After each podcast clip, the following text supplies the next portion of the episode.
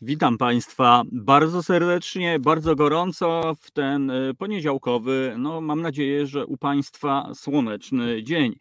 Tu Tomasz Konca, czyli Radio Koncao i dobra pora w resecie obywatelskim. Bardzo się cieszę, proszę Państwa, że e, jesteście z nami. Mam nadzieję, że tak już zostanie. Więc na sam początek e, szybciutko powiem, czego możecie się dzisiaj, drodzy Państwo, spodziewać. Mam nadzieję, że już za chwilę uda nam się połączyć z prezesem Stowarzyszenia Front Pomocy Ukrainie. Zoresław Dmytryszyn. Mam nadzieję, że objawi się w naszym studiu. No na razie nie udało nam się połączyć, ale proszę o pewną poprawkę. Front Pomocy Ukrainie to, to nie jest stowarzyszenie z gatunku tych, że no na przykład się siedzi i odbiera się telefony, ewentualnie coś się napisze i, albo robi się oczywiście jakieś działanie. Nie, nie, to jest dynamiczna historia. Ja porównywałbym e, e, ich działania do, do w takiej takiej formy ratownictwa, tak więc y, może coś nagle wyjątkowego się zdarzyć i no i każdy wie, no, są różnego rodzaju priorytety y, i, i, ja to rozumiem. Mam nadzieję, że tak czy inaczej uda nam się z Zoresławem połączyć i porozmawiamy o tym, jak to się stało, że Front Pomocy Ukrainie działa. Od razu może y, dodam, że, że to jest o tyle specyficzne stowarzyszenie, że tam aktywistami, a właściwie wolontariuszami, a właściwie wolontariuszkami i aktywistkami są e, kobiety, które no, są e, naszymi gośćmi, tak to trzeba e, powiedzieć. No, można by powiedzieć, że są uchodźcami, ale, ale myślę, że goście brzmi tak bardziej przyjaźnie. Tak więc to nie jest tak, że w pewnych kręgach są czasami, słyszy się takie stereotypowe gadanie, że a proszę Państwa, proszę państwa, e, e, tu e, my tylko dajemy pomoc. Nie, nie, nie. Oprócz słów podziękowań, które słyszymy wszędzie, widzimy też konkretne działanie. Tylko, że to działanie jest ciche i nie rzuca się tak na pierwszy plan, nie ma świateł Jupiterów, po prostu jest i, i naprawdę Front Pomocy Ukrainie to są niesamowici ludzie. No ale wszystkiego dowiemy się już od naszego gościa, bo chciałbym komisyjnie powitać. Drodzy Państwo, Zoresław Dmytryszyn i już witaj, cześć, dzień dobry. Cześć, cześć. Sorry za spóźnienie, ale dopiero co przyleciałem. Dużo spraw mamy, więc czasami nie da się przewidzieć. E, ja, e, e, ja pozwoliłem sobie wytłumaczyć mniej więcej, bo po pierwsze widziałem, jak działacie, więc wiem, że są sytuacje, które dzieją się tu i teraz i trzeba jakby zareagować tu i teraz. Nie można pewnych rzeczy odkładać na później. Tak więc bardzo Ci dziękuję, drogi Zoresławie, i po, pozwól, że na początek, jak, jakie jest zdrobnienie Twojego imienia? Możesz mówić do mnie Zoryk. Zoryk, ale fajnie, to jestem Tomek e, i, i jeśli pozwolisz, e, zostańmy przy tym. E, Zoryk, po pierwsze, od kiedy mieszkasz w Polsce i jak tu się znalazłeś? Wiesz co, w Polsce to już kawał czasu, no od 13 lat już tu mhm. jestem. Mhm. Przyjechałem na studia, tak? Przyjechałem na studia mhm. do Warszawy no i tak już zostałem, tak. W sumie jechałem tutaj e, celowo, żeby, żeby tutaj mieszkać, tak. Nie miałem jakby jakichś e, innych mhm. obiekcji. Wiedziałem, e, że w tym kierunku zmierzam. Polskiego się uczyłem jeszcze w szkole i dość ta cała, to całe jakby ta polskość była tam na tych terenach, gdzie mieszkałem, więc, mhm. więc zmierzałem w tym kierunku celowo jako mhm. kraju takiego. No właśnie. Bo sądząc po tym, jak mówisz, można by, mogłoby wynikać, że się tu urodziłeś, tak więc jestem pod wrażeniem. No dobrze, Zorysławie, powiedz proszę, czy Front Pomocy Ukrainie to była akcja doraźna, która powstała właśnie w wyniku agresji Rosji na Ukrainę? Tak, wiesz co, e, nigdy wcześniej nie organizowałem ani nie uczestniczyłem w tego typu e, stowarzyszeniach czy e, fundacjach. Mm, zajmowałem się czymś innym, tak? To nie było to nie była jakiś, jakaś inicjatywa, która istniała. Mm, wcześniej prowadziłem firmę mm, do pierwszego dnia wojny. Mm, zajmowałem się czymś innym, sprzedażą nieruchomościami, ale jak wojna się zaczęła, to no, z żoną postanowiliśmy, że nie możemy przejść obok tego, co się dzieje, e, że musimy coś zrobić. Mm, I zaczęło się od tego prostego posta na Facebooku, tak?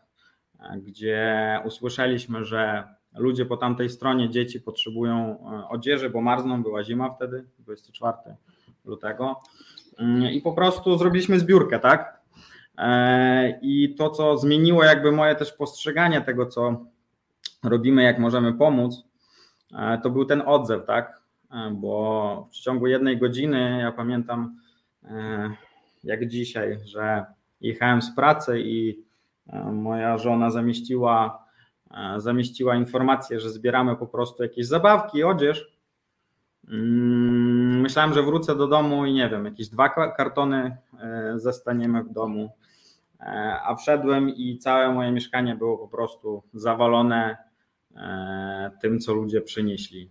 E, I kolejka się ustawiła do mieszkania, a przez kolejną jeszcze godzinę cała moja ulica była po prostu zapchana samochodami i te widoki wtedy z pierwszego dnia, jak małe dziecko przenosi misia swojego ulubionego e, i tak go przytula i szkoda mu go oddawać, ale jednak potem mówi, to jest dla dziecka takiego jak ja, przekaż i rodzice mówią, że to jest, wiesz, że to będzie bardziej potrzebne.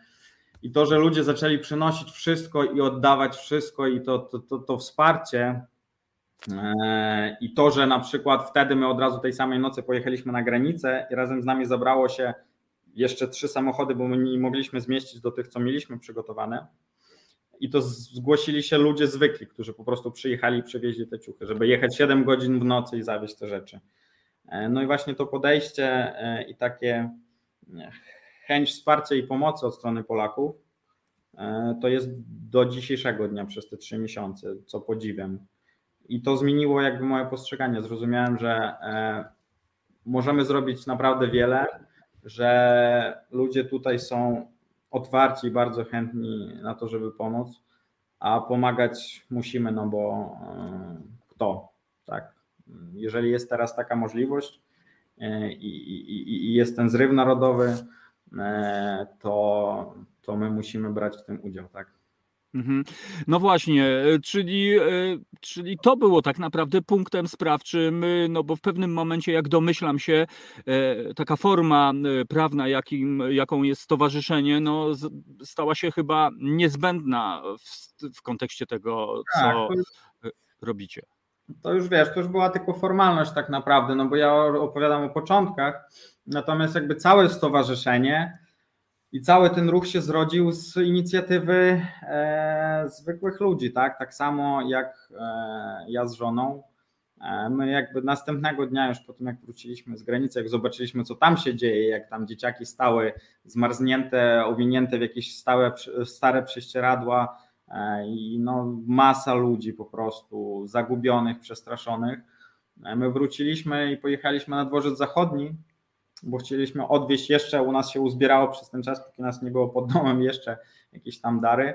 Przyjechaliśmy na dworzec zachodni i spotkaliśmy takich samych ludzi chętnych pomagać, bo na dworzec zachodni już wtedy autobusowy, e, a to był punkt taki jeden z e, głównych przez cały czas e, tej wojny, bo Ukraińcy są przyzwyczajeni do podróżowania autobusami, więc większość ludzi przeszła przez dworzec autobusowy. E, ta cała rzesza ludzi, która przyjechała tutaj do Warszawy, tak? I spotkaliśmy takich samych ludzi jak my, którzy po prostu przyszli, zajmowali się czymś innym wcześniej, ale no zobaczyli, że na dworzec przynoszą tak samo zwykli obywatele jakieś jedzenie, e, przynoszą odzież i nikt nie ma tego, żeby tym się zająć i to wydawać ludziom. Więc przyszli jako wolontariusze pomagać. My też przywieźliśmy te rzeczy.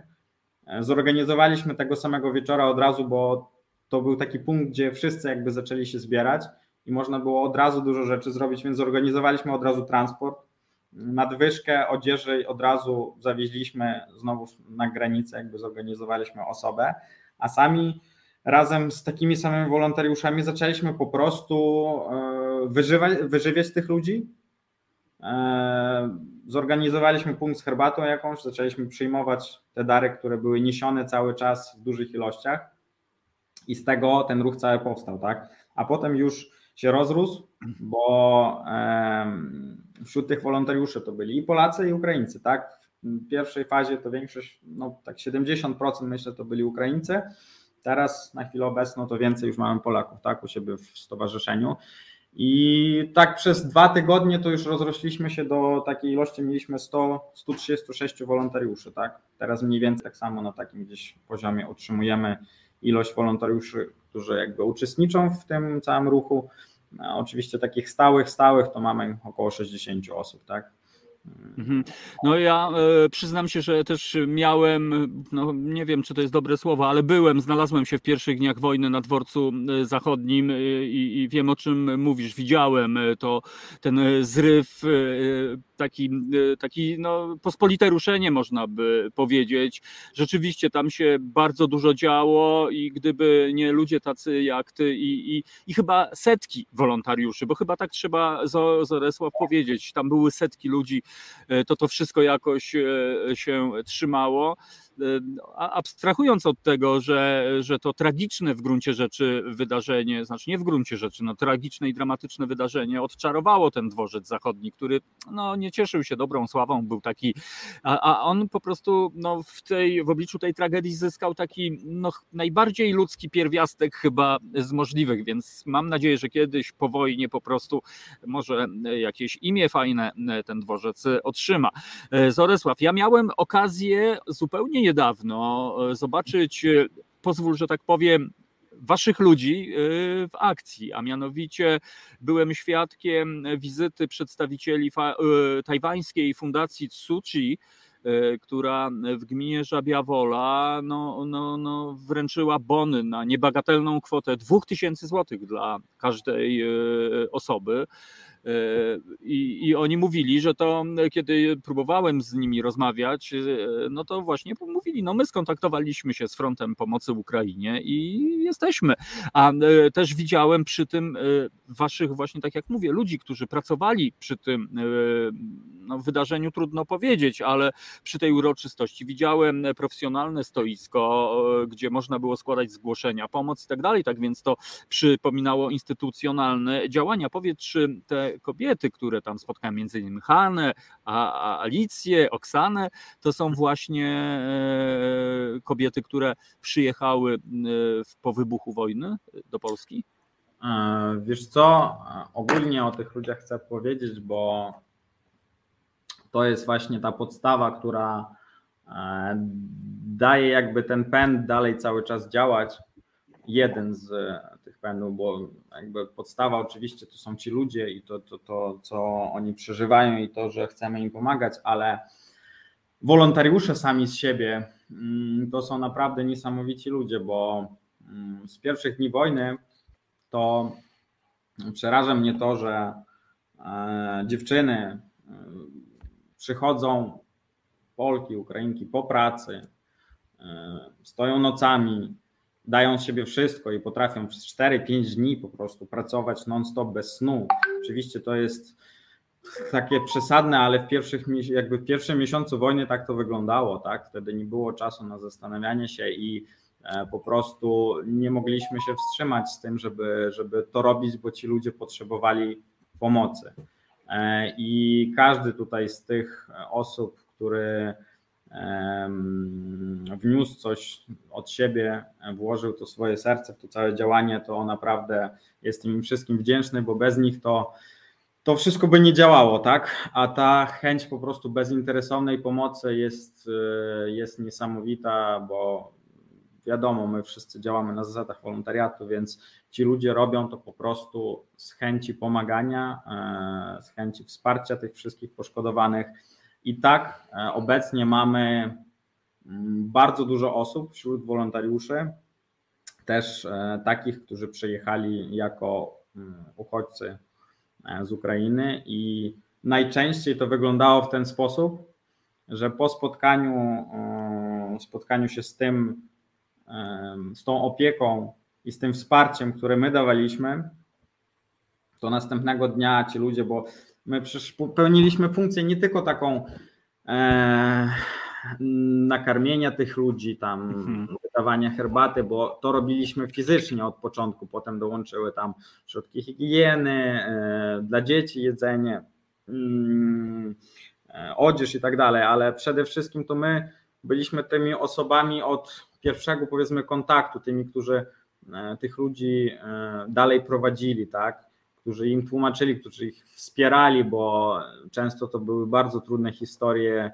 E, dzieciaki przyjeżdżały bez rodziców, tak, straciły tam wszystkich matki, które nie mogły wyciągnąć dzieci wtedy na samym początku i to były e, momenty takie dość ciężkie, ale my byliśmy tymi, którzy mm, e, byliśmy tym, tym, tym jakby taką pierwszą, mm, pierwszym punktem opory mm, i poza tym wiadomo, to też nasi rodacy, mm, więc my wiedzieliśmy, jak im pomóc i jak z nimi rozmawiać. E, I przez to wiele osób, nawet e, takich, co przeżyły tragiczne momenty tam e, i jeszcze wczoraj uciekały od ostrzałów, po dniu przybycia tu do Polski po prostu się odzywa, odzywały te osoby do nas i mówiły, że nie oczekiwały na tak ciepłe e, mm, przyjęcie i, tak mocne wsparcie. E, I dlatego chcą pomagać. I dlatego chcą pomagać. Przychodzili do nas następnego dnia i już wielu z nich tak zostało. Także tak, myślę, że gdzieś może nawet połowa osób, co jest u nas, w tym dziewczyny, e, o których wspominałeś, to są osoby, które przyjechały już e, podczas wojny z Ukrainy mm, i działają teraz e, tutaj jako wolontariusze. No, to, to jest naprawdę niesamowite, bo też chcę podkreślić, że one nie robią tego tak głośno. To jest taka cicha, mała dla niektórych praca, ale, ale to jest naprawdę ujmujące i, i, no i takie no, wyjątkowe, że tak powiem. Zoresławie, pozwól, że spytam, jest pytanie od naszej słuchaczki, mhm. od Joli, czy współpracujecie z innymi organizacjami? Czy tylko pomagacie właśnie we własnym zakresie? Czy czy jesteście już jakimś elementem może systemu, może jakiegoś, jakiejś grubszej historii? Współpracujemy od początku w zasadzie. Prawie od mhm. samego początku współpracujemy, bo trzeba brać pod uwagę, że e, to całe wsparcie i pomoc e, od startu jakby bazowało się na wielu organizacjach. E, były też przedstawiciele na początku miasta, wojewody, ale te instytucje na samym starcie jeszcze nie były tak zorganizowane, więc trzeba to przyznać i powiedzieć, że e, same początki, pierwsze tygodnie wojny to e, większość na siebie wzięły organizacje takie e, non-profit albo w ogóle wolontariusze, tak jak my, którzy nie tworzyli jeszcze żadnej organizacji. Mm, potem coraz mocniej w to wszystko włączał się już, włączały się przedstawiciele miasta, rządu.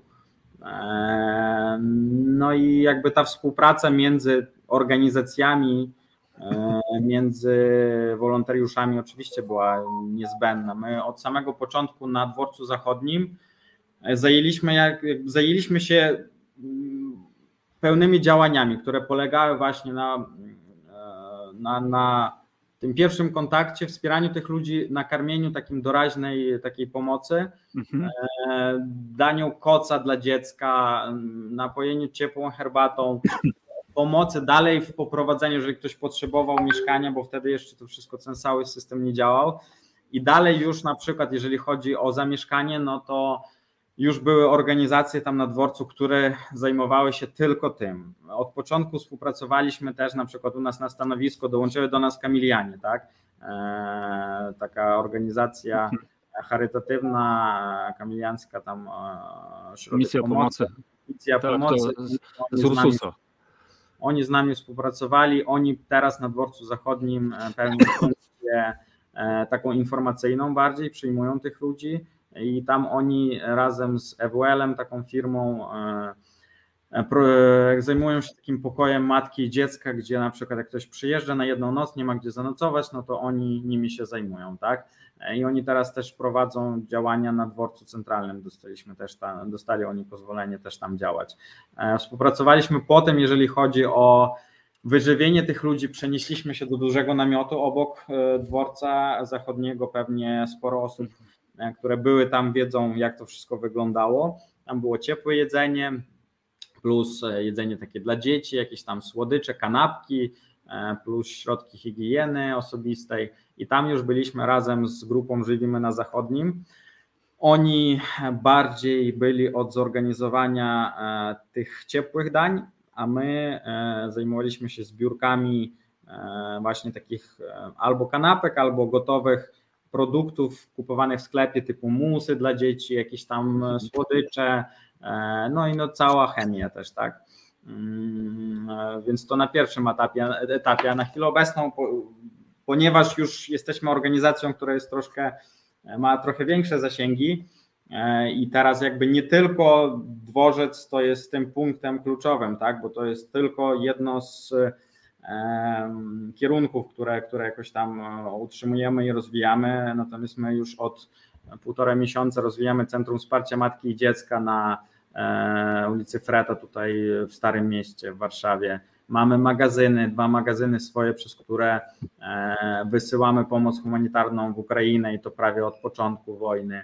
E, więc kilkukierunkowo działamy i tutaj na przykład już w kwestii takiego rozwoju i pomocy tym już dzieciom, matkom, które tu zostały i mieszkają i prowadzenie takich nie tylko działań doraźnych, a powiedzmy już bardziej e, różnych e, zajęć dla dzieci, jakiś tam rozwoju kulturalnego, artystycznego, no to tutaj już zaczęliśmy współpracować na przykład z PCPM-em, dużą organizacją, tak, e, która też takie świetlice i tego typu e, obiekty otwiera i prowadzi teraz w Warszawie. Oni na przykład mają na Foksalu w Pałacu Zamoyskich, a my jesteśmy tutaj e, na, w innej części tak, Starego Miasta. Mhm.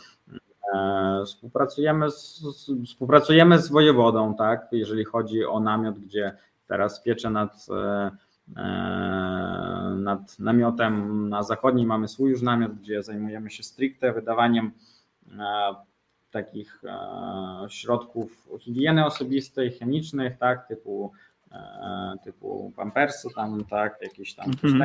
grzane takie rzeczy dla dzieci, różnego rodzaju produkty, które są cały czas potrzebne tym, co przyjeżdżają, no to tam już My współpracujemy stricte z e, wojewodą mazowieckim, który e, tutaj nadzoruje, nadzoruje działania na dworcu. A mhm. jeżeli chodzi o działania tutaj w Centrum Wsparcia Matki i Dziecka, to, to już z organizacjami współpracujemy. Mhm. Z firmami mhm. różnymi współpracujemy, tak, które też nas wspierają. E, więc tak, bez współpracy to tutaj się nie da pomagać, bo to jest wtedy bardziej efektywne, jeżeli łączymy się, tak. Ale to jest e, niesamowite, że jest z kim współpracować. Myślę, że to jest naprawdę bardzo, bardzo ważne w tej całej historii. Ja widziałem e, tę świetlicę na e, Starówce, widziałem dzieciarnię małą, która przez chwilę tam no, żyła w swoim świecie. Widziałem też, wolontariuszki, no, przydałoby się pewnie trochę większe miejsce, mam wrażenie. I tu y, pozwól, że spytam Cię, powiedz, czy ta pomoc y, od, y, od państwa, od rządu, w Twoich oczach ona jest wystarczająca, ona jest właściwa, czy władze mogłyby się, nie wiem, no, czy, czy, mo, mo, można coś więcej zrobić no, na przykład? Tutaj bez jakiejś krytyki, po prostu jak Ty to oceniasz? Czy, czy to jest ok, czy, czy można zrobić więcej? Wiesz co, ciężko mi tutaj coś stwierdzać, bo pomocy jest dużo, tak? Jeżeli mhm. chodzi o. E, tu nie mówię tylko o pomocy dla organizacji e, takich e, jak my, tylko chodzi o całe wsparcie, które jest dla mm, obecne dla, dla przybyszów z Ukrainy, tak? Mm, dla przybyszów z Ukrainy, bo przecież mają i wsparcie socjalne i w pierwszej chwili, jak przyjeżdżali, też mieli możliwość e, zamieszkania, tak? Mm, centra relokacyjne różnego rodzaju, wsparcie było zorganizowane z różnych źródeł, więc w większości te wszystkie punkty też tak, no to były wspierane przez, bo to jest w specustawie jako zadanie e, mhm. wojewody, więc jedyne co mogę powiedzieć to pewnie, że na pierwszych etapach e, to na pewno to ta pomoc była taka jeszcze niezorganizowana, no ale to jest chyba naturalny proces, bo nikt nie mierzył się z czymś podobnym wcześniej, tak? I z taką ilością ludzi, którzy przyjechali nagle w jednym momencie, no nikt tego nie oczekiwał, że to, to, to nie było przygotowane na mhm. pewno, to na pewno nie było zaplanowane. Natomiast na późniejszych etapach ta pomoc dla ludzi na pewno jest, tak? Jeżeli chodzi o organizacje takie NGOs jak my, to to zależy. To zależy. Zobaczymy, jak dalej, jakie będą plany i co będzie przewidywała też ustawa, bo na przykład, jeżeli chodzi o takie działania doraźne, to jakieś tam wsparcie dostaliśmy, e, tak, na działania na przykład na późniejszych etapach. Więc mhm. pierwsze miesiące, na przykład pierwsze dwa miesiące, to musieliśmy w całości e, to ciągnąć na swoich plecach, tak. Potem takie wsparcie się pojawiło, więc tutaj mm, nie mogę krytykować, jest, czy ono jest wystarczające.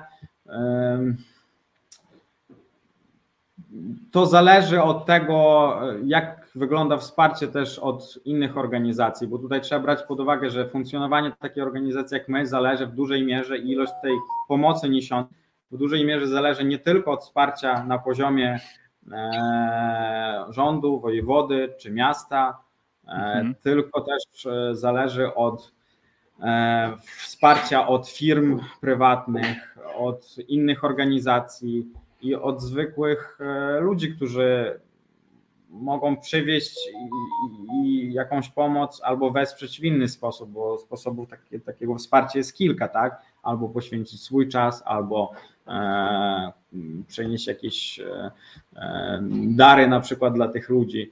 I na pierwszym etapie na przykład tego było bardzo dużo, tak? Więc my wszystko bazowaliśmy na tej pomocy od ludzi, ale z czasem wiadomo, e, ilość tej pomocy się zmniejsza, no bo wiadomo, konflikt już trwa jakiś czas, wojna już trzy miesiące niebawem będzie. Ja też rozumiem, że ludzie nie mogą cały czas wydawać kasy, y, tracić, jakby poświęcać swój czas mm -hmm. na to, żeby przychodzić nocami jako wolontariusze, więc ilość tej pomocy stopniowo maleje. Mm -hmm. Więc na tym etapie wiadomo, że e, wsparcia potrzebujemy dużo bardziej niż wcześniej. E, I tutaj zdajemy sobie sprawę, że takim wsparciem już powinien być e, no, przedstawiciele administracji publicznej. E, I w jakichś punktach tej pomocy powiedzmy wystarcza, ale na przykład w takim punkcie, jak my tutaj rozwijamy, w całości skoncentrowany na już tym, żeby pomagać w dłuższej perspektywie rodzinom, wdrażać ich też jakoś tutaj, e, socjalizować, tak? Bo my na przykład Centrum Wsparcia Matki i Dziecka otworzyliśmy już idąc za tymi potrzebami, widząc, że nakarmiliśmy, przyjęliśmy tych ludzi, oni dostali jakby jakieś tam lokum albo miejsce zamieszkania, ale sporo tych osób też trzeba zdawać sobie e, sprawę, że zamieszkało albo w tych centrach ogromnych relokacji, gdzie po 500 osób na hali mieszka, albo w jakichś yy, w akademikach, tak, albo hotelach e, pracowniczych, e, gdzie to są w 98% matki z dziećmi, z małymi, więc dalej one będą potrzebować też możliwości jakoś i zmienić warunki mieszkaniowe i nauczyć się języka i znaleźć pracę, tak? Bo wojna jednak, jak widzimy, to szybko się nie kończy i wszystko wskazuje na to, że raczej szybko się nie skończy. Dlatego tutaj już poszliśmy w tym kierunku, żeby dzieciaki z jednej strony nie siedziały w domach i nie miały jakieś zajęcia. E, uczestniczyły, mamy tutaj kursy artystyczne, rysunku, e, rękodzieła, e, art terapii, teraz karate zaczęliśmy na przykład w ogóle dzieciakom tak się podoba, dużo jest osób, bo mamy tam jakby przygotowaną przestrzeń, znają nawet karate, ale też zaczęliśmy bardziej iść w kierunku na przykład kursów językowych, języka polskiego, angielskiego dla matek. Psychologa teraz mamy, który pomaga im, bo to są często osoby naprawdę, które bardzo dużo przeżyły. E, więc to pomaga im jakoś e, dojść do siebie w pierwszej kolejności, a potem e, mm, popracować nad tym, żeby, żeby stać normalnym członkiem tutaj społeczności, tak? I no bo te osoby nie przyjechały też po to, żeby siedzieć. Ja widzę, że większość z nich nie chce być jakby ciężarem, obciążeniem. Nie chce być obciążeniem dla tych osób, które, e, których przyjęły. E, bardzo są oni wdzięczni za, za to wszystko, co, co, co dostali, ale nie chcą być takimi, wiesz, nierobami, co siedzą i, I biorą. I dalej, dokładnie, i biorą. Dlatego większość tych kobiet chce znaleźć pracę, ale tutaj e, barierą jest na przykład język, tak? E, dlatego te kursy to, to jest bardzo potrzebne i to, co cieszy się największym chyba zainteresowaniem, tak, tak jak my widzimy wśród mm -hmm. osób dorosłych. No bo tym razem trzeba też rozumieć, że e, sporo tych osób przyjechało z jakimiś kwalifikacjami, tak? O ile na przykład wcześniej do Polski przyjeżdżały osoby stricte wiedzą, że jadą mm, w celach zarobkowych, e, i no to teraz przyjechało sporo osób, które ja z nimi rozmawiam, no to, to są osoby z naprawdę z wyższym wykształceniem, które zajmowały kierownicze jakieś pozycje, które mają e, kwalifikacje na bardzo wysokim poziomie, tak, w różnych dziedzinach.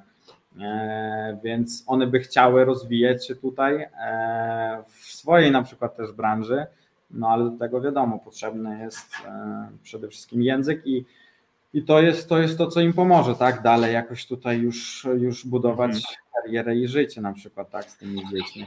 Więc w tym miejscu na przykład, o ile my takie działania prowadzimy, wracając do Twojego pytania, to tutaj wsparcia nie mamy, tak? Tutaj, e, a, a to jest moim zdaniem już coraz bardziej potrzebne, e, żeby patrzeć troszkę długofalowo, bo jednak część z tych osób, z tych e, już milionów ludzi, tam 2,5 miliona do Polski przyjechało, także zostało w samym Mazowieckim to 500 tysięcy osób E, część z nich zostanie, tak? Już dzieci poszły do szkół tutaj i trzeba myśleć bardziej na perspektywę. Dlatego takie miejsce jest bardzo istotne, ale tutaj, no mówię, wsparcie mamy o tyle, mm, o ile e, okoliczni mieszkańcy coś nam tutaj e, wspierają przynoszą. I mm, fajnie, że tutaj zaczęliśmy współpracę, nam tą całą przestrzeń udostępniła w ogóle Fundacja Prześwit, która skupia artystów no eee, proszę. Tak, bardzo im jesteśmy wdzięczni ogólnie za to, bo e, to jest e, bardzo fajne miejsce akurat na takie działania artystyczne, rozwojowe. Mm, to jest cała kamienica, gdzie funkcjonuje ta fundacja od dwóch lat. E, ona skupia 60 artystów, czy to są malarze, muzycy, rzeźbiarze, mm, a dla nas po prostu zostały udostępnione te przestrzenie ta świetlica na przykład duża dość, e, jakbyś tam widziałeś u nas około 100 metrów mamy tą świetlicę, więc pozwala nam na zorganizowanie tych zajęć i kącika dla dzieci, e, plus mamy tutaj free shop na przykład zorganizowaliśmy, z, gdzie wydajemy odzież dla matek i dla dzieci tylko. E, zaczęliśmy teraz też wydawać na przykład takie gift paki z jedzeniem, bo ci ludzie też potrzebują E, jak chodzą po tych ośrodkach pomocy społecznej, to tam często nie dostają tego wsparcia, co potrzebują, a my tu jesteśmy w stanie ich tak zaopatrzyć, żeby, e, no żeby, żeby komfortowo mogli sobie funkcjonować, tak. No i tutaj to wszystko jakby jest po mhm. prostu mm, dzięki, dzięki takim organizacjom, które, które jakby. No właśnie. Nam, tak? Ja mam wrażenie, że, że to naprawdę niestety tak jest. Tutaj mówię niestety, bo e, wydaje mi się, że po pierwsze, e, chyba władze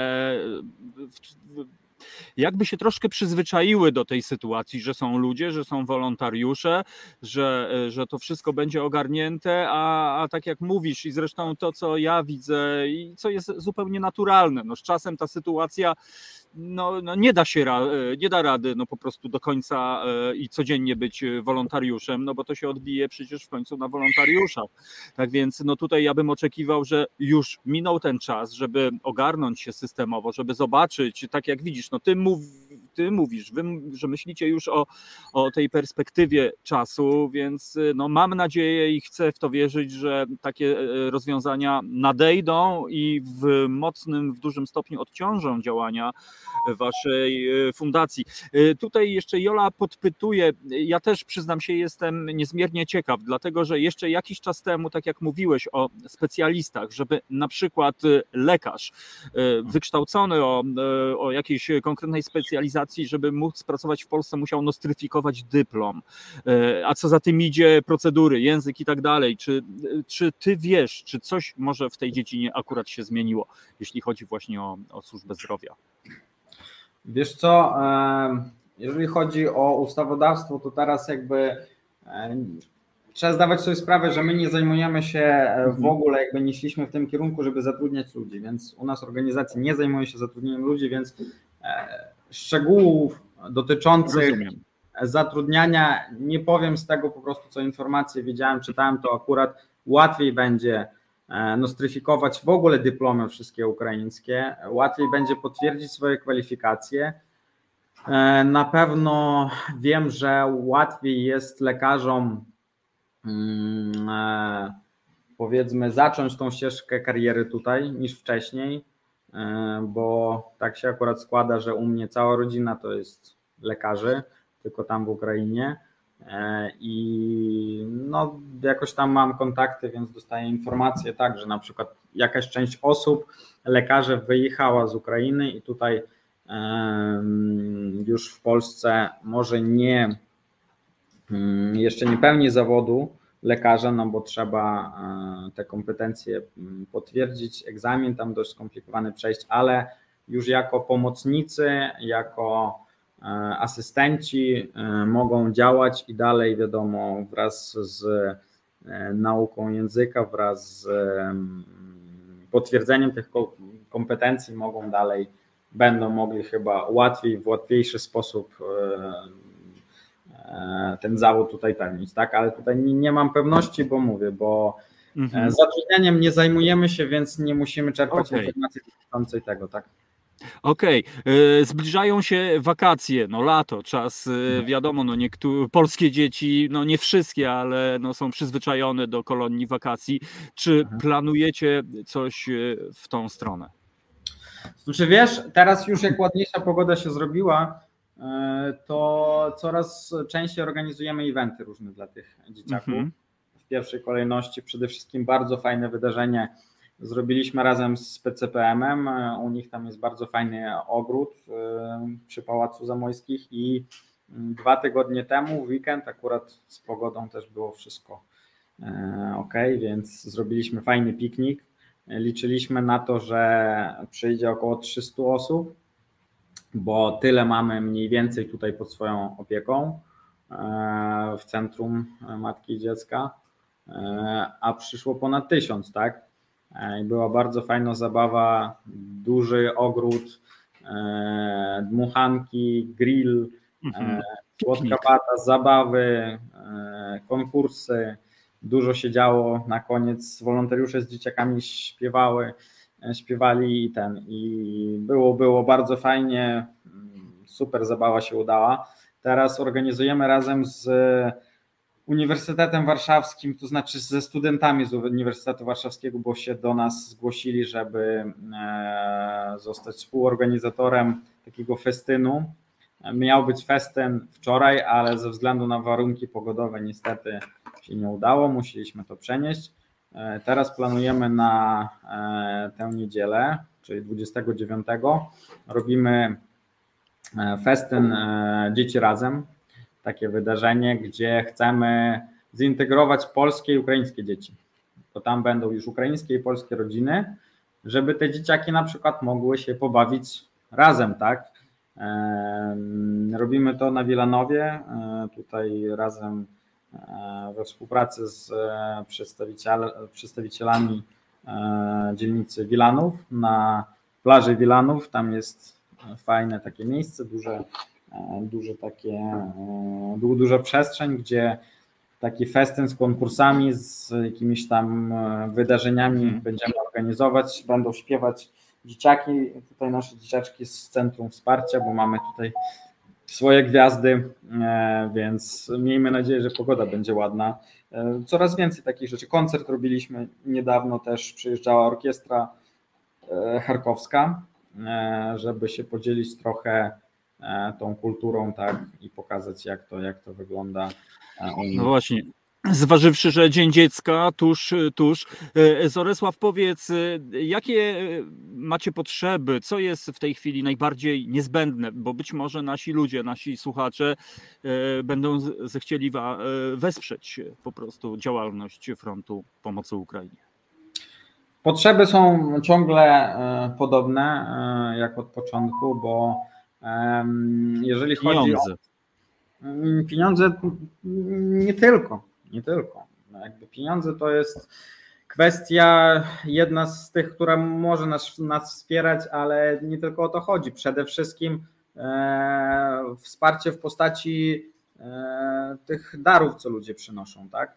Czyli e, te rzeczy, które my wydajemy, bo e, na to jakby to są tam mamy największy przepływ i na to mamy największe wydatki, powiedzmy, tak?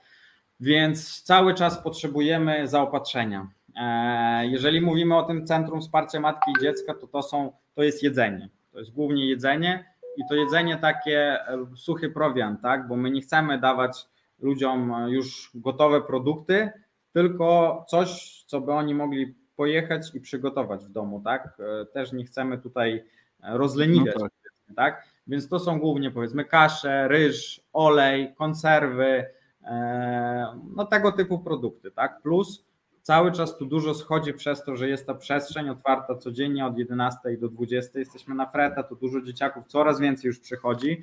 Mamy cały czas zajęcia codziennie, mamy jakieś zajęcia, już nawet trzy zajęcia tak dziennie średnio, więc te dzieciaki wiadomo, jakieś musy takie e, owocowe, dla małych dzieci jedzenie, dla takich najmniejszych, bo tu nawet niemowlaków przy, przy, z sobą przyprowadzają rodzice czyli takie tam w proszku mleko, też takie musy w słoikach, mm-hmm. soczki, woda, bardzo dużo wody potrzebujemy. Ostatnio nie mamy zaopatrzenia z wodą, w ogóle jest ogromny problem, więc jak ktoś może na przykład e, jakaś firma e, przywieźć paletę na przykład wody, tak, bo to bardzo szybko się rozchodzi, szczególnie wodę w takich półlitrowych butelkach, tak, to bardzo, bardzo potrzebujemy. Więc tutaj takich rzeczy potrzebujemy. Mm-hmm. Też mhm. zabawki, ale w mniejszym już stopniu, bo właśnie większość ludzi tu przynosi mm, albo odzież i to często używaną, która no niestety nie, nie, nie zawsze się nadaje dla małych dzieci e, i to w dużych ilościach, żeby po prostu pozbyć się na przykład jakichś no rzeczy. To, to jest słabe.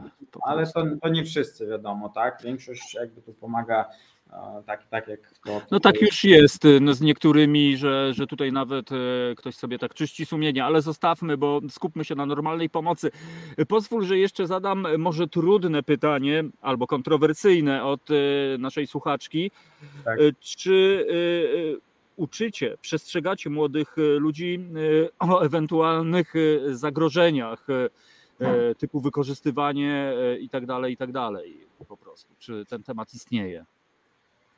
Hmm, czy mówimy tu konkretnie o, o czym? O jakby niebezpieczeństwach, które czekają na przy, na.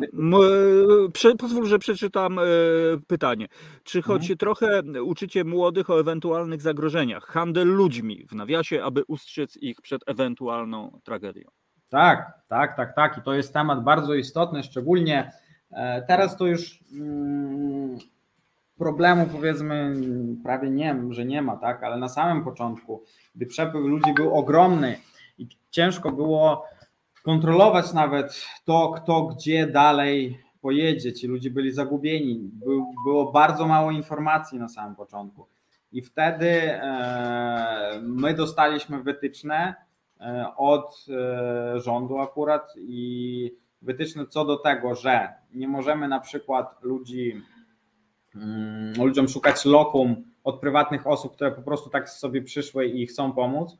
Oczywiście wdzięczni jesteśmy bardzo za taką pomoc, tylko kontrolo- tego jakby nie da Mhm. się skontrolować i sprawdzić, do kogo ta osoba tra- trafi, bo było bardzo dużo takich sytuacji. My byliśmy też świadkami, jak przychodzili panowie i próbowali zaprosić jakieś młode do siebie dziewczyny, tak, e, mm, że pomogą i tak dalej, a potem te osoby, mm, słyszeliśmy, szczególnie na granicy były takie sytuacje, jak wtedy były e, rzesze ludzie, ludzi, to e, potem te osoby znikały, tak, Mm, więc e, tutaj my wiedzieliśmy od samego już początku, że musimy te osoby kierować do przedstawicieli wojewody albo do organizacji, które zajmują się ulokowaniem ludzi. Wtedy oni mieli swoją bazę mieszkań, lokali, e, gdzie wiadomo, kto e, tych ludzi tam przyjmuje, tak? E, Więc to jest, jeżeli chodzi o handel ludźmi, a też mi, ma, mamy nadal, bo mamy punkt też informacyjny na dworcu zachodnim. E, No i tutaj też informacje na Freta przekazujemy w Centrum Matki i Dziecka. Mamy dużo takich ulotek też informacyjnych, e, plakatów wywieszonych. E, I tam jest dużo informacji. Dostaliśmy od przedstawicieli e, władz e, też takie informacyjne ulotki, jeżeli chodzi o to, na co zwracać uwagę, jak się ostrzec przed takimi wydarzeniami, przed handlem ludzi, ludźmi, jak się zabezpieczyć, więc, więc od razu tam jest opisane, jakich sytuacji się obawiać, że jeżeli na przykład podchodzi do ciebie nieznajoma osoba, zaprasza do auta, że zawiezie cię, że, czy rozwiezie cię, zawiezie, zawiezie na lotnisko, czy na przykład na jedną noc nawet e, e, zaprosi do swojego mieszkania, to nie, bo nie ma takiej, szczególnie teraz potrzeby, teraz jest dużo lokali, e, gdzie, gdzie można oficjalnie się zgłosić i dostać, Mhm, dostać nocleg Bezpiecznie. bezpiecznie, dokładnie. Mhm. Zorysławie, no to dobrze, no bardzo się cieszę, że, że no, tych sytuacji mam nadzieję już nie ma. Ci, e, którzy mieli no, takie jakieś myśli i tak dalej, że no, po prostu już są wyeliminowani, że tak powiem, z życia społecznego. E, Zorysławie, pozwól, że na koniec naszego spotkania spytam o taką rzecz e, już taką szerszą, bo Polska, Ukraina e, ma długą, długą historię współegzystencji. Czasami ta historia wiemy, jaka była, ale nie skupiamy się na historii. Powiedz tak szczerze, czy to, co w tej chwili się dzieje, to jest coś, e, coś co zaprocentuje czy w przyszłości, albo coś, co, co jest czymś naprawdę no, takim nowym, bo, bo wiele osób, młodych ludzi, zarówno z Polski, jak i Ukrainy, mm, ja słyszałem, któ- którzy mówią, że, że są dumni zarówno z jednego, jak i drugiego narodu i że to zwiastuje jakąś nie wiem, wspólną przyszłość, nowy początek. Jak ty to widzisz? Czy to jest po prostu z twojej perspektywy naturalny odruch, że Polacy pomagają i tak dalej, i tak dalej, ale tutaj, no właśnie, jak ty to oceniasz po prostu? Wiesz co, na pewno to zmieni dużo, tak? To zmieni dużo, bo mm, śmiem twierdzić, że te trudne czasy to no nie wiem, czy znajdziemy jakiś inny naród, który by tak e, wsparł z każdej strony i politycznie, i pod kątem przyjęcia uchodźców, i otwierania swoich drzwi, po prostu zapraszania tych ludzi. E, I przy tym, że, że każdy prawie, ja nie, no, nie znam takiej osoby, która by u siebie nie, e, nie zaprosiła, nie wsparła e, jakąś osobę czy rodzinę z Ukrainy. E, Mnóstwo ludzi, którzy wszystko oddali, przy, przyniesie, wspierają nas tutaj. Są takie sytuacje dziadka jednego mamy, który e, co miesiąc, jak dostaje e, emeryturę, to po prostu większość tej emerytury to przeznacza na jakieś zakupy, przynosi i mówi rozdajcie to tym dzieciakom, tym matkom, więc i takich sytuacji jest mnóstwo, tak? To, to są setki historii, które, e, z którymi się spotkaliśmy przez te trzy miesiące i my, i my jako wolontariusze, ale przede wszystkim ci przybysze to wszystko widzą, bo my z nimi rozmawiamy i ten poziom wdzięczności i ten poziom po prostu nawet takiego zaskoczenia, że jak tak może być, że tak zostaliśmy ciepło przyjęci. E, I większość z tych osób mówi, że mm, będzie o tym pamiętać, będzie uczyć swoich dzieci i mm, przekazywać tą informację o tym, co Polacy zrobili dla Ukraińców te najtrudniejsze e, momenty historii. O takich rzeczach się nie zapomina, tak? Więc ja myślę, że to jest teraz bardzo ważny i dobry moment na e, to, żeby te relacje mm, wykreować nawet może na nowo i zrestartować jakoś te stosunki, bo faktycznie e, są momenty historii, które nas dzielą, e, są momenty polityczne, powiedzmy tak. Natomiast ta chwila to jest bardzo dobry moment, żeby wyciągnąć wnioski i zobaczyć e, i popatrzeć na teraźniejszość i przyszłość, tak? Na to, co nas mhm. łączy, bo e, no bo taka już jest e, mm, taki jest już fakt, że na chwilę obecną to już jest nowa historia po prostu. Jest nowa historia, tak? E, nikt nie oczekiwał jeszcze pół roku tego, że będzie rozpętana tak brutalna wojna. Nikt nie oczekiwał, że tutaj w Polsce e, nagle w jednym momencie okaże się kilka milionów e, przybyszy z Ukrainy. I takie są realia, więc trzeba zdawać sobie sprawę, że teraz to życie i te relacje i, i, i ta obecność Ukraińców będzie to już w Polsce wyglądało też inaczej, tak? Mm, natomiast trzeba po prostu mądrze mm, i pod kątem politycznym, i pod kątem e, socjalnym poprowadzić tą politykę w ten sposób, żeby, e, żeby z jednej strony te osoby, które tutaj przyjechały, zintegrować, bo dla polskiego rynku pracy i ogólnie dla społeczeństwa, ja myślę, że Ukraińcy to jest E, to jest duży plus, tak? No bo jesteśmy bliscy kulturowo. E, przyjeżdżamy tutaj. No nawet nie, nie ma co mówić, Zorysław. Wiadomo, że to są dla normalnych ludzi oczywiste no. E, historie i, i to, to, jest, jest niesamowite. tak? Więc tutaj współistnienie już będzie i jak im bliższa będzie ta integracja, im lepiej się zrozumiemy, wymienimy się jakoś kulturowo, tak? Bo bardzo dużo możemy od siebie też wziąć tym, tym, tym, tym bardziej też Polska skorzysta w dłuższej perspektywie, tak? To z jednej strony, ale z drugiej strony Ukraina jako kraj, który e, obecnie jest e, no, teatrem wojny, tak? I to e, strasznej, brutalnej wojny, ale jednak wojna się musi skończyć, tak? I wszyscy wierzymy w to, że skończy się wygraną Ukrainy, do czego są przesłanki już realne, tak? E, jednak e, ogromna druga armia świata no, nie e, poradziła sobie i swoje cele wojskowe nie zostały zrealizowane i trzy dni czy siedem dni, jak sobie tam zamierzali zająć całe terytorium Ukrainy, no to się nie udało, a na chwilę obecną z całym wsparciem takim z całego świata, jakie idzie, dla Ukrainy są szanse na to, że ten przełom wojny jednak będzie, tak, z tym e, wyposażeniem całym, które teraz wojskowi dostają, bo my też cały czas jesteśmy w kontakcie z wojskowymi i wiemy, co się dzieje, bo poza tymi mm, kierunkami działania jeszcze nie wspomniałem o tym, że my bardzo dużo pomocy humanitarnej wysyłamy w Ukrainę. Hmm. Dlatego jesteśmy ciągle w kontakcie z dużymi organizacjami w Ukrainie, z przedstawicielami samorządów z, i z wojskowymi też, tak? E, I też hmm. nasi przyjaciele albo e, rodziny też tam walczą, tak? E, dlatego wiemy, co się dzieje. Hmm.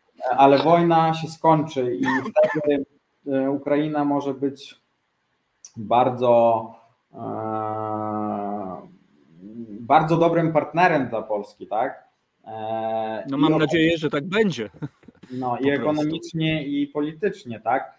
No bo e, i militarnie, bo trzeba zdawać sobie sprawę i kto tego nie rozumie, że Ukraina to na chwilę obecną jest tym obszarem, tym buforem i tym blokpostem, który wstrzymuje tą agresję.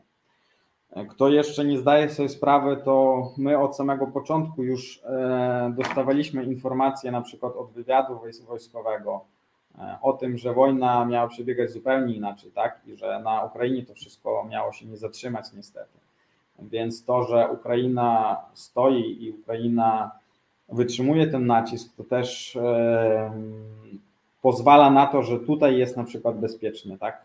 Bo nikt nie wie, jakby było, gdyby e, rosyjskie wojska stanęły po tygodniu wojny przy granicy z Polską, co by się działo teraz tutaj w Warszawie, czy na Litwie, czy w Bałtyku. Więc e, jako e, kraj, który już jest zahartowany wojną i może się opierać takiej agresji, to jest bezpieczeństwo w Europie z jednej strony. Z drugiej strony, mhm. jak wojna się skończy, kraj zniszczony, tak, który trzeba będzie odbudowywać. Trzeba, ale to też da możliwość wchodzić do kraju mhm. dla kapitału z zachodu i Polska powinna tutaj na tym skorzystać, tak, bo e, Ukraina może stać się e, ekonomicznym partnerem dla Polski, coś na kształt jak Polska stała się dla Niemiec w swoim, w swoim czasie, tak?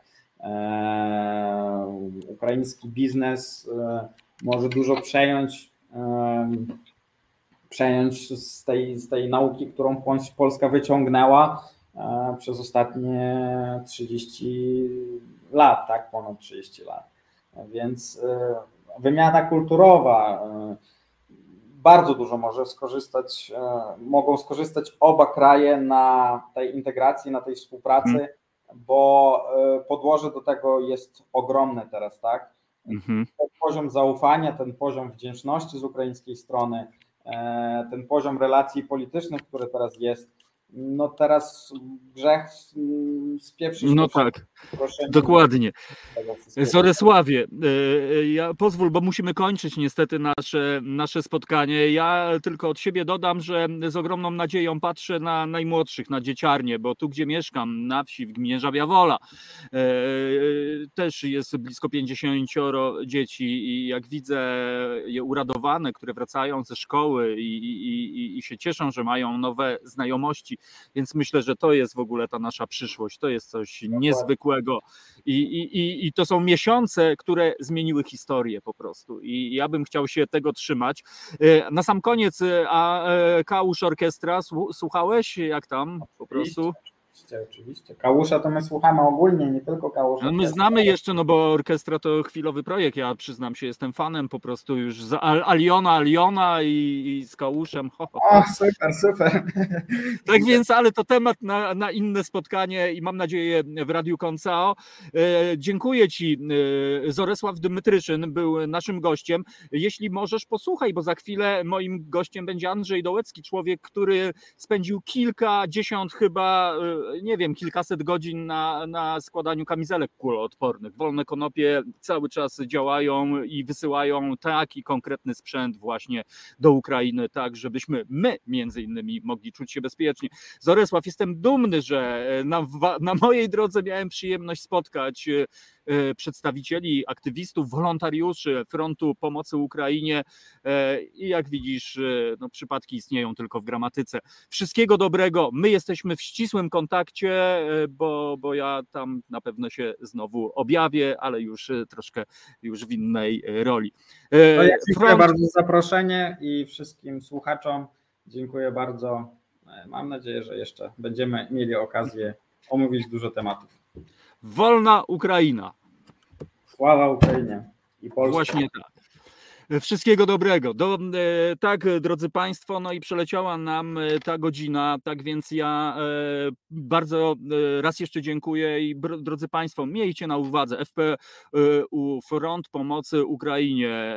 E, piękna praca, która buduje przyszłość chyba tak trzeba też y, powiedzieć. Y, tak więc naprawdę jestem przejęty. Już za chwilę, już za chwilę spotkanie z Andrzejem Dołeckim porozmawiamy. No też myślę, że zahaczymy o właśnie o tę doraźną pomoc, ale też o wydarzeniu, które szykuje się już na najbliższą sobotę. Ja jedynie tylko dodam, że dzisiejszy program realizuje kolega Marcin. Nie wiem, czy Marcin zechce nam się objawić, ale, ale tak w tym ferworze zapomniałem kolegę realizatora po prostu przedstawić. Tak więc to jest Reset Obywatelski, to jest dobra pora. Ja nazywam się Tomek Konca, czyli Radio Koncao i mam nadzieję, że po muzyce spotkamy się z naszym gościem, a Państwo zechcecie ten czas spędzić z nami. Podobają Ci się nasze programy?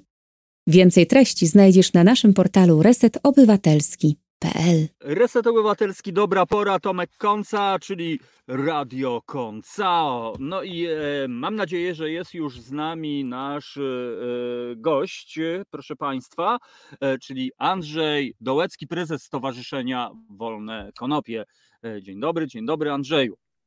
Dzień dobry, cześć. Nie wiem jak nas widać, teraz już chyba nas widać lepiej.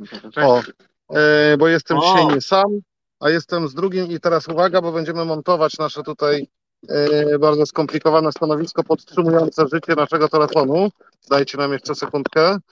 Dobra, to rozładujemy, rozłączymy, rozładujemy. Jeszcze 10 sekund, 9. No jeszcze, jeszcze jakby w poziomie dało radę, to byśmy mieli szerszy... Poziomie, e. Tak, chcesz.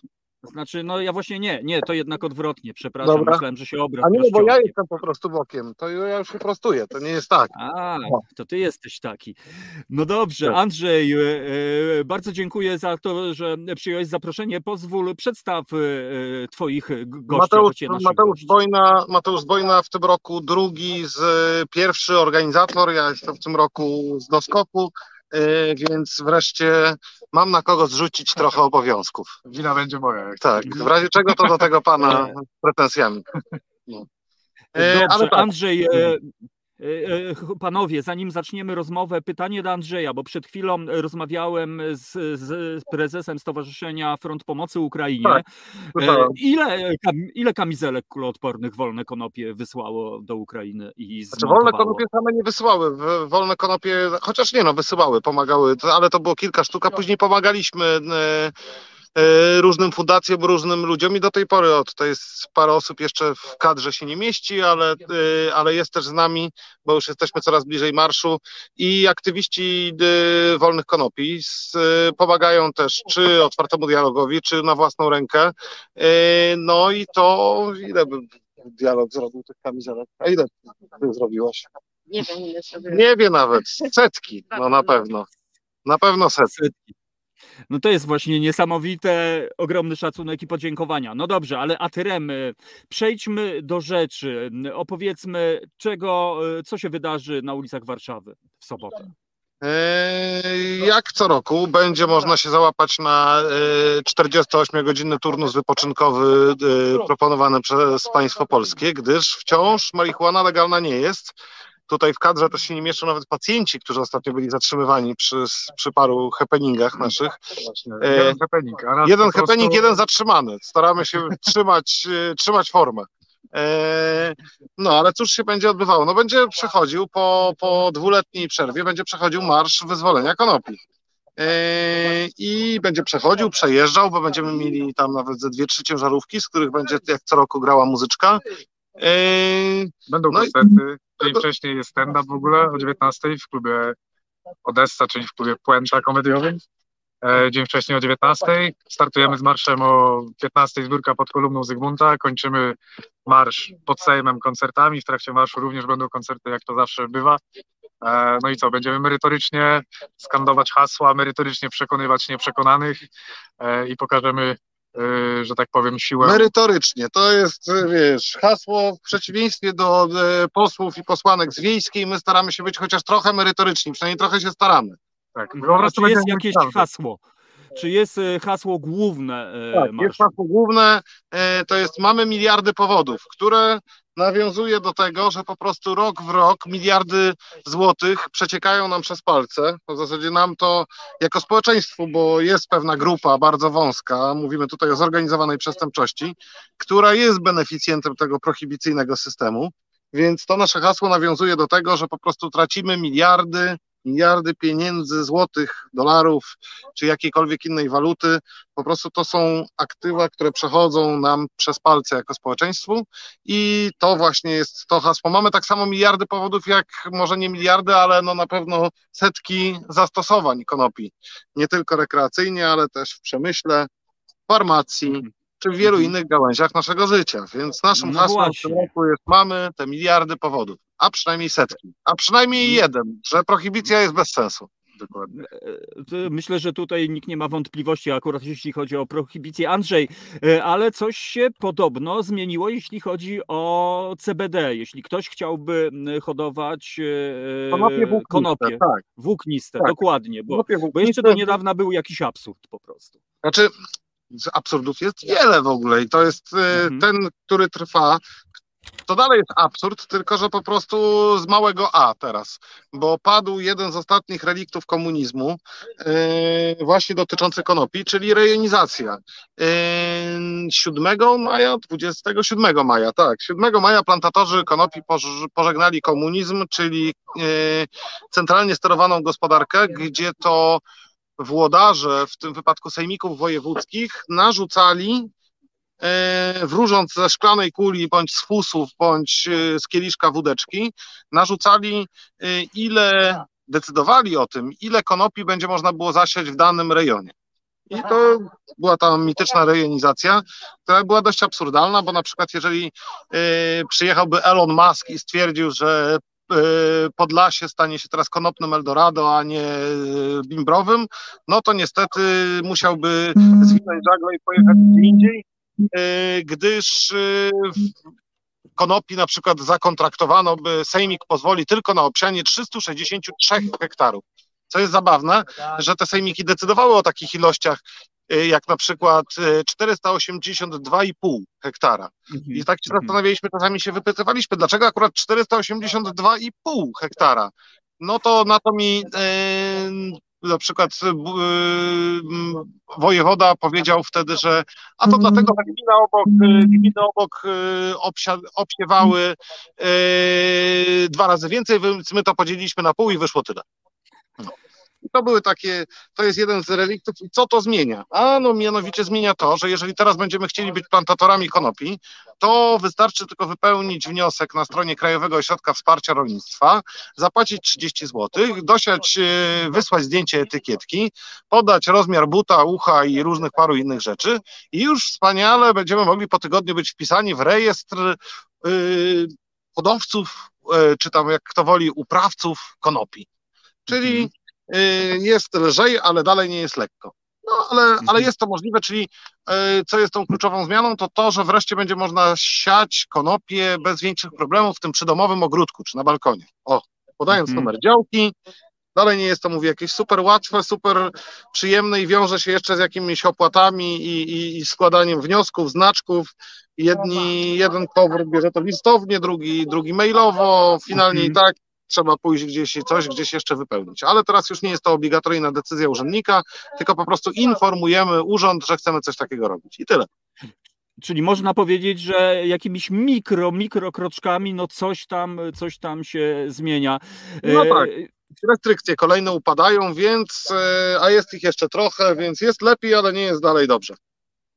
No niestety, e, myślę, że po to właśnie chyba jest między innymi Marsz Wyzwolenia Konopi. Panowie, e, ile osób deklaruje w Polsce e, plus minus, nie wiem, 10%, e, że jest użytkownikami konopi rekreacyjnej, że tak powiem? Plus minus rocznie, Nie, no nie rocznie, tylko ile osób deklarują, bo to rocznie. no to raz w roku w sensie, ile osób deklaruje, no to Nie, nie, nie, czekaj. Ile osób w Polsce deklaruje, że jest użytkownikami A. konopi? A czy raz w roku, czy dziesięć? E, no to widzisz, badania są badania badaniami. Najlepsze są chyba te wyniki e, analiz wodociągów i kanalizacji, bo one są najbardziej miarodajne. Bo to trochę tak mówię, jak w liceum padało pytanie pani wychowawczyni w ankiecie anonimowej, czy ktoś używa narkotyków. No to u mnie zawsze była frekwencja zero. No, Od, Mhm. od początku liceum y, nikt nigdy nie przyznał się do używania, na wszelki wypadek, to jest tak jak wiesz, z głosowaniem za Stalina, niby tajne, ale wiadomo.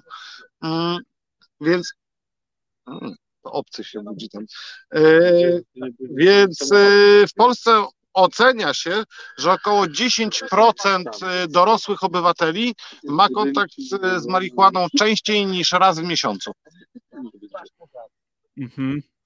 Czy jest, e, czy jest to, czy jest to miarodajne, ale to, to ciężko powiedzieć. Być może to zależy w jakiej grupie wiekowej jeszcze, e, ale ogólnie przyjmuje się, że około 10% dorosłych obywateli. No i też według e, badań zleconych przez Wolne Konopie, Kantar, Cebosiu, no to ponad 60% jest za zniesieniem kar za posiadanie na własny użytek, więc no, tych ludzi jest na pewno jeszcze więcej, ale no właśnie, tak jak Andrzej mówi, no, ankiety... czy, czy według Was jest e, możliwe e, ta, taki obrót sprawy jak w Kanadzie na przykład, gdzie społeczeństwo zadecydowało, że po prostu jest tak jak mówicie, no i, i, i to prawo się zmieniło. Jak Wy to oceniacie u nas? Y, jak w Kanadzie, znaczy no wiesz, y, to społeczeństwo decyduje tak naprawdę, bo to społeczeństwo wybiera, społeczeństwo wychodzi na ulicę, społeczeństwo żąda zmian, więc jakby byśmy wszyscy się zebrali tak naprawdę i ludzie, którzy mają jakieś realne wpływy, przestali się bać mówić tego, że mówić o tym, że są użytkownikami o tym, że są za, no to te zmiany byłyby łatwiejsze, szybsze i przyjemniejsze na pewno i nie byłoby wielu nieprzyjemnych sytuacji, tak jak właśnie z pacjentami medycznej marihuany, którzy, da, którzy dalej są szykanowani, którzy da, dalej są prześladowani.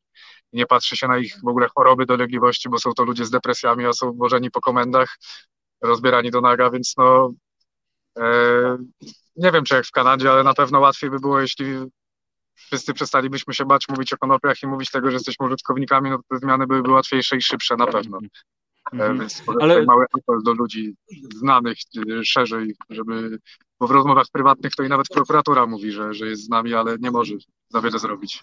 No więc tutaj mhm. to jest też, yy, powiedziałbym, że to nie do końca tak, że jak społeczeństwo chce, bo nam z badań wynika, że 60% społeczeństwa chce legalizację, czy tam nie, inaczej nie legalizacja, a nie karania za posiadanie, a niestety urząd, urządzących, yy, no tutaj panuje trochę ta narkofobia. O, pokaż plakat. E, o właśnie. Tadam. Mamy plakacik. Nie wiem, czy nas tutaj będzie widać, ale mamy miliardy powodów. Tak wygląda plakat.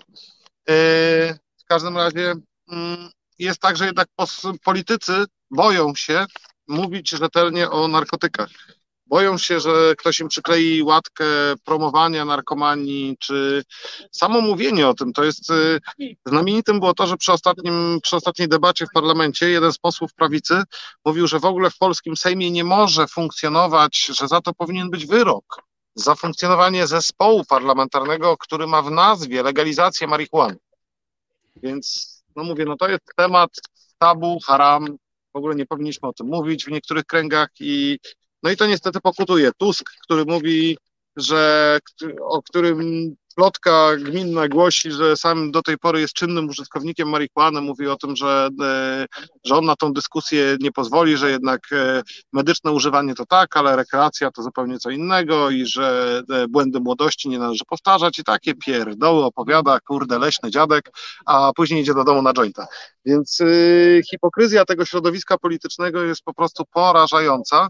I to, że ludzie się boją tego tematu mm, jakkolwiek z polityków ruszyć, no to to jest skandal, ale to jest skandal, który to jest chucpa, którą oni karmili przez wiele, wiele lat i teraz po prostu głupio się z tego wycofać. No i powiedzieć, że jednak słuchajcie, psów w dupę ładowaliśmy przez 27 lat kasę i w ogóle nic to nie działa i robiliśmy was w trąbę od 27 lat, żeby tylko mieć 6% więcej no to na to niestety jest mało odważnych w polskiej scenie politycznej. Mhm, no, no to e, nie, nie, nie, najlepsza diagnoza, natomiast e, ja tak się zaniepokoiłem, jeśli chodzi o pacjentów medycznej marihuany, no bo e, tutaj usłyszałem, że skoro są nękani przez policję, no to tak. o co tu chodzi? To ona w końcu jest legalna, czy jest nielegalna, bo to ja już nic nie rozumiem po prostu. Podstawowo wynika z niewiedzy, że policjanci, z którymi rozmawialiśmy, czy rozmawiali nasi tutaj zatrzymani, oni nie wiedzieli, że w ogóle jest coś takiego jak status pacjenta medycznej marihuany, że w ogóle jest to lekarstwo takie jak każde inne. Gdzieś jak pojedziesz yy, i, i to jest błąd systemowy, że nikt się nie zadał sobie trudu wprowadzając tą ustawę, przemyśleć ją na dobrą sprawę, wytłumaczyć podległym, yy, podległym instytucjom. Czyli minister zdrowia, Sejm, który wprowadził ustawę, nie nie zadał sobie trudu, żeby minister spraw wewnętrznych y, przeszkolił podległych y, funkcjonariuszy policji, Straży Granicznej i innych resortów mundurowych.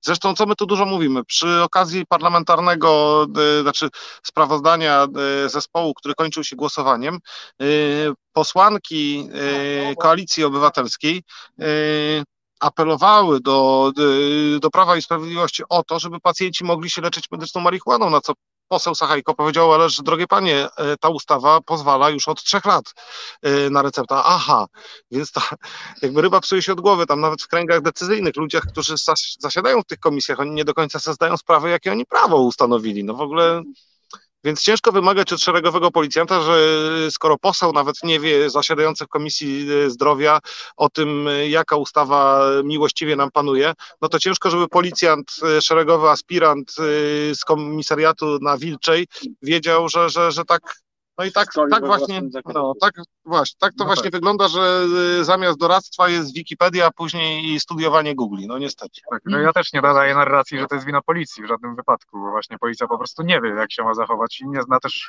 prawa, które nie ona ustanawia tak naprawdę, więc więc to nie jest wina Ale to policji. jest przerażające z, z drugiej strony, no przyznajcie, no policja stoi na straży prawa, którego nie zna, no i trochę Tak. gdzieś tutaj ja Ale się to nie czuję tylko- delikatnie Ale to nie, tylko w tym, to nie tylko w tym już ustawy o zgromadzeniach i tak dalej, policja Mhm. i to, żeby nie było, że to jest tylko policja Prawa i Sprawiedliwości, to jest po prostu policja, która u nas e, no, w wielu wypadkach e, wykazuje systemowe błędy w szkoleniu i tak dalej, ale to, no, to mówię, to jest wina zarządzających, czyli poniekąd nas jako społeczeństwa.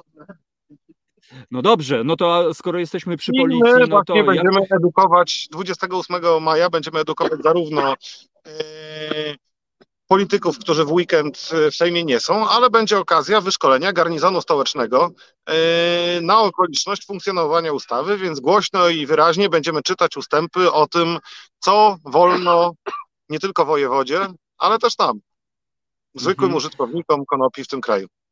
No właśnie, to trochę wyprzedziłeś moje pytanie, bo no brutalnie mówiąc, no wasz marsz y, no, no jest przecież łatwym celem dla tych, y, którzy żyją podnoszeniem statystyk.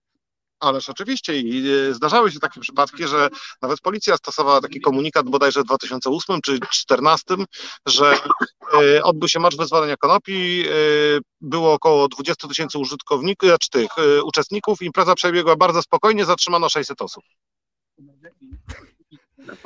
Jezus. E, No, no tak, koni jest jak każdy widzi, nie? No, A, ale, ale jak, jak to wygląda teraz w, w tej... w tej Czy rzeczywistości jest tak, policją, E, w tej, w przygotowując tej ten marsz? to wygląda tak, że nie zatrzymują nas na marszu. Czasami próbują, próbuje policja wyłapywać kogoś y, przed i po, ale na samym marszu już jest w miarę bezpiecznie. Jak mówimy, święto użytkowników na w roku. E, Mhm. No więc liczymy, że w tym roku również będzie spokojnie, że zatrzymań nie będzie. E, A niestety nie możemy odpowiadać też za uczestników naszych i brać jakby za nich odpowiedzialność i pieczę y, przed i po imprezie, ale, ale co roku staramy się też nie prowokować specjalnie, tutaj mówię, garnizonu stołecznego i stołeczny garnizon też przymyka oko na to, że nie jest centralnym laboratorium kryminalistycznym, więc ciężko stwierdzić, co my teraz sobie tutaj na przykład palimy. No grunta też trzyma się blisko Właśnie. cały czas, nie odchodzić i się nie dzielić na grupki, też to wtedy na pewno Mhm. jest po prostu łatwiej. Mhm. Ale powiedzcie, czy wy zgłaszacie e, marsz, czy w ogóle ktoś z, ramienia Komendy Stołecznej Policji z wami rozmawiał tak? Tak, tak, jak tak, już dzisiaj mieliśmy no, telefon. Zgłaszamy, zgłaszamy co roku zgromadzenie, robimy to legalnym. Yy, Nie ma nigdy żadnego problemu od, znaczy nigdy, no od wielu lat już yy, powiedzmy i Komenda Stołeczna i Biuro Bezpieczeństwa Zarządzania Kryzysowego w jakiś sposób jest na nasze imprezy przyzwyczajone. Wręcz nawet można powiedzieć, że Biuro Bezpieczeństwa to naszą imprezę lubi, gdyż jesteśmy jedną z mniejszych manifestacji, która na przykład po sobie sprząta, yy, która podstawia to i to je. I to dla wszystkich, dla policji też która e, ogólnie raczej się dobrze kojarzy. Nie dewastujemy e, miasta, nie wszczynamy burt. E, no i raczej, raczej, jest to, raczej jest to forma parady. E, Nigdy nie chcieliśmy występować e, z jakimiś takimi negatywnymi, negatywnym przekazem. Nigdy nikogo na marszach nie atakujemy, raczej wspieramy, raczej wskazujemy na jakieś błędy. No, nie, Edukacja. no, troszeczkę, nam się zdarzało parę razy tam coś pokrzyczeć, bardziej, no jak nas zatrzymywali szczególnie, ale mówię, no raczej, raczej nie jest to impreza. Jedyny problem tej imprezy jest taki, że e, niektórzy z nas posiadają po prostu substancje w postaci konopi nielegalnie. I to jest w zasadzie jedyny problem, jaki my mamy i ma z nami prawo. No właśnie, to prawo, które, które no przynajmniej na filmach, e, w publicznych telewizjach, e, właściwie w każdej polskiej produkcji jest e, łamane i tutaj właśnie pytanie jest do was, ale ja już nie wiem, czy wypada mi powiedzieć je, co wy tam palicie, ale no przecież można, nie wiem, co Akta. tam palicie, nawet nie będę. Co my tam palimy? Akta. Nie, no co palimy? Palimy konopie. No dobrze. No. E, już nie będę pytał, czy to są te legalnie kupione właśnie w aptece, A czy nie, to nie, w automacie, nie, którym... pytam. E, Słuchajcie, e, e, jacy artyści pojawią się na marszu? No bo to też koncerty. No kurczę. Adi Nowak, Bober, Opał, Mops, Ibex e, między innymi, ale też będ- będzie parę niespodzianek na pewno. E, Chyba Proszę być się do mnie wzywania, jak ktoś ciągu. Będą też starzy wyjadacze marszowi, którzy występują prawie na każdym marszu i bę- będzie też parę niespodzianek, jeśli chodzi o artystów, więc warto się Mhm. zaskoczyć przychodząc na marsz, bo myślę, że to będą ciekawe postacie. Mhm. E, A e, po marszu, czy jest e, przewidziana jakaś impreza? Jak najbardziej. Gdzie- W Bugalu, Bugalu Beach Bar, mamy after party, startujemy, nie pamiętam o której godzinie, chyba Tu E, są około artyści, czekaj, 19. gdzieś tu nie widać. O, coś pozaginałem, ale ogólnie Jalo w O, Sound jest, System tutaj. będzie no, niżej. grał. Tak. Będzie bardzo przyjemnie też. Będzie nad Wisłą, jest lokal, więc Idziemy do Bugalu nad Wisłą, do Dżalowów, e, którzy nas tam przyjmują na after. Oni będą tam dowodzić imprezą. My od 19 do 21 jeszcze tych artystów, którzy się, że tak powiem, nie załapią line-upowo na marszu, to jeszcze tam w Bugalu e, ugościmy. I, I co? I tam serdecznie zapraszamy. Miejscówka nad Wisłą, wstęp, e, wstęp jest e, free, więc muszę się tutaj podładować. Słuchajcie, wszystko już jest w atmosferze przedmarszowej. Okej, wszystko działa? E, Albo rytualna zawieszka. Tak, przepraszam, przepraszam, już jesteśmy z powrotem. No, pr- proszę Państwa, to jest audycja na żywo, tu i teraz, jak to się mówi, live and direct, tak więc takie rzeczy e, myślę, że e, są e, absolutnie normalne.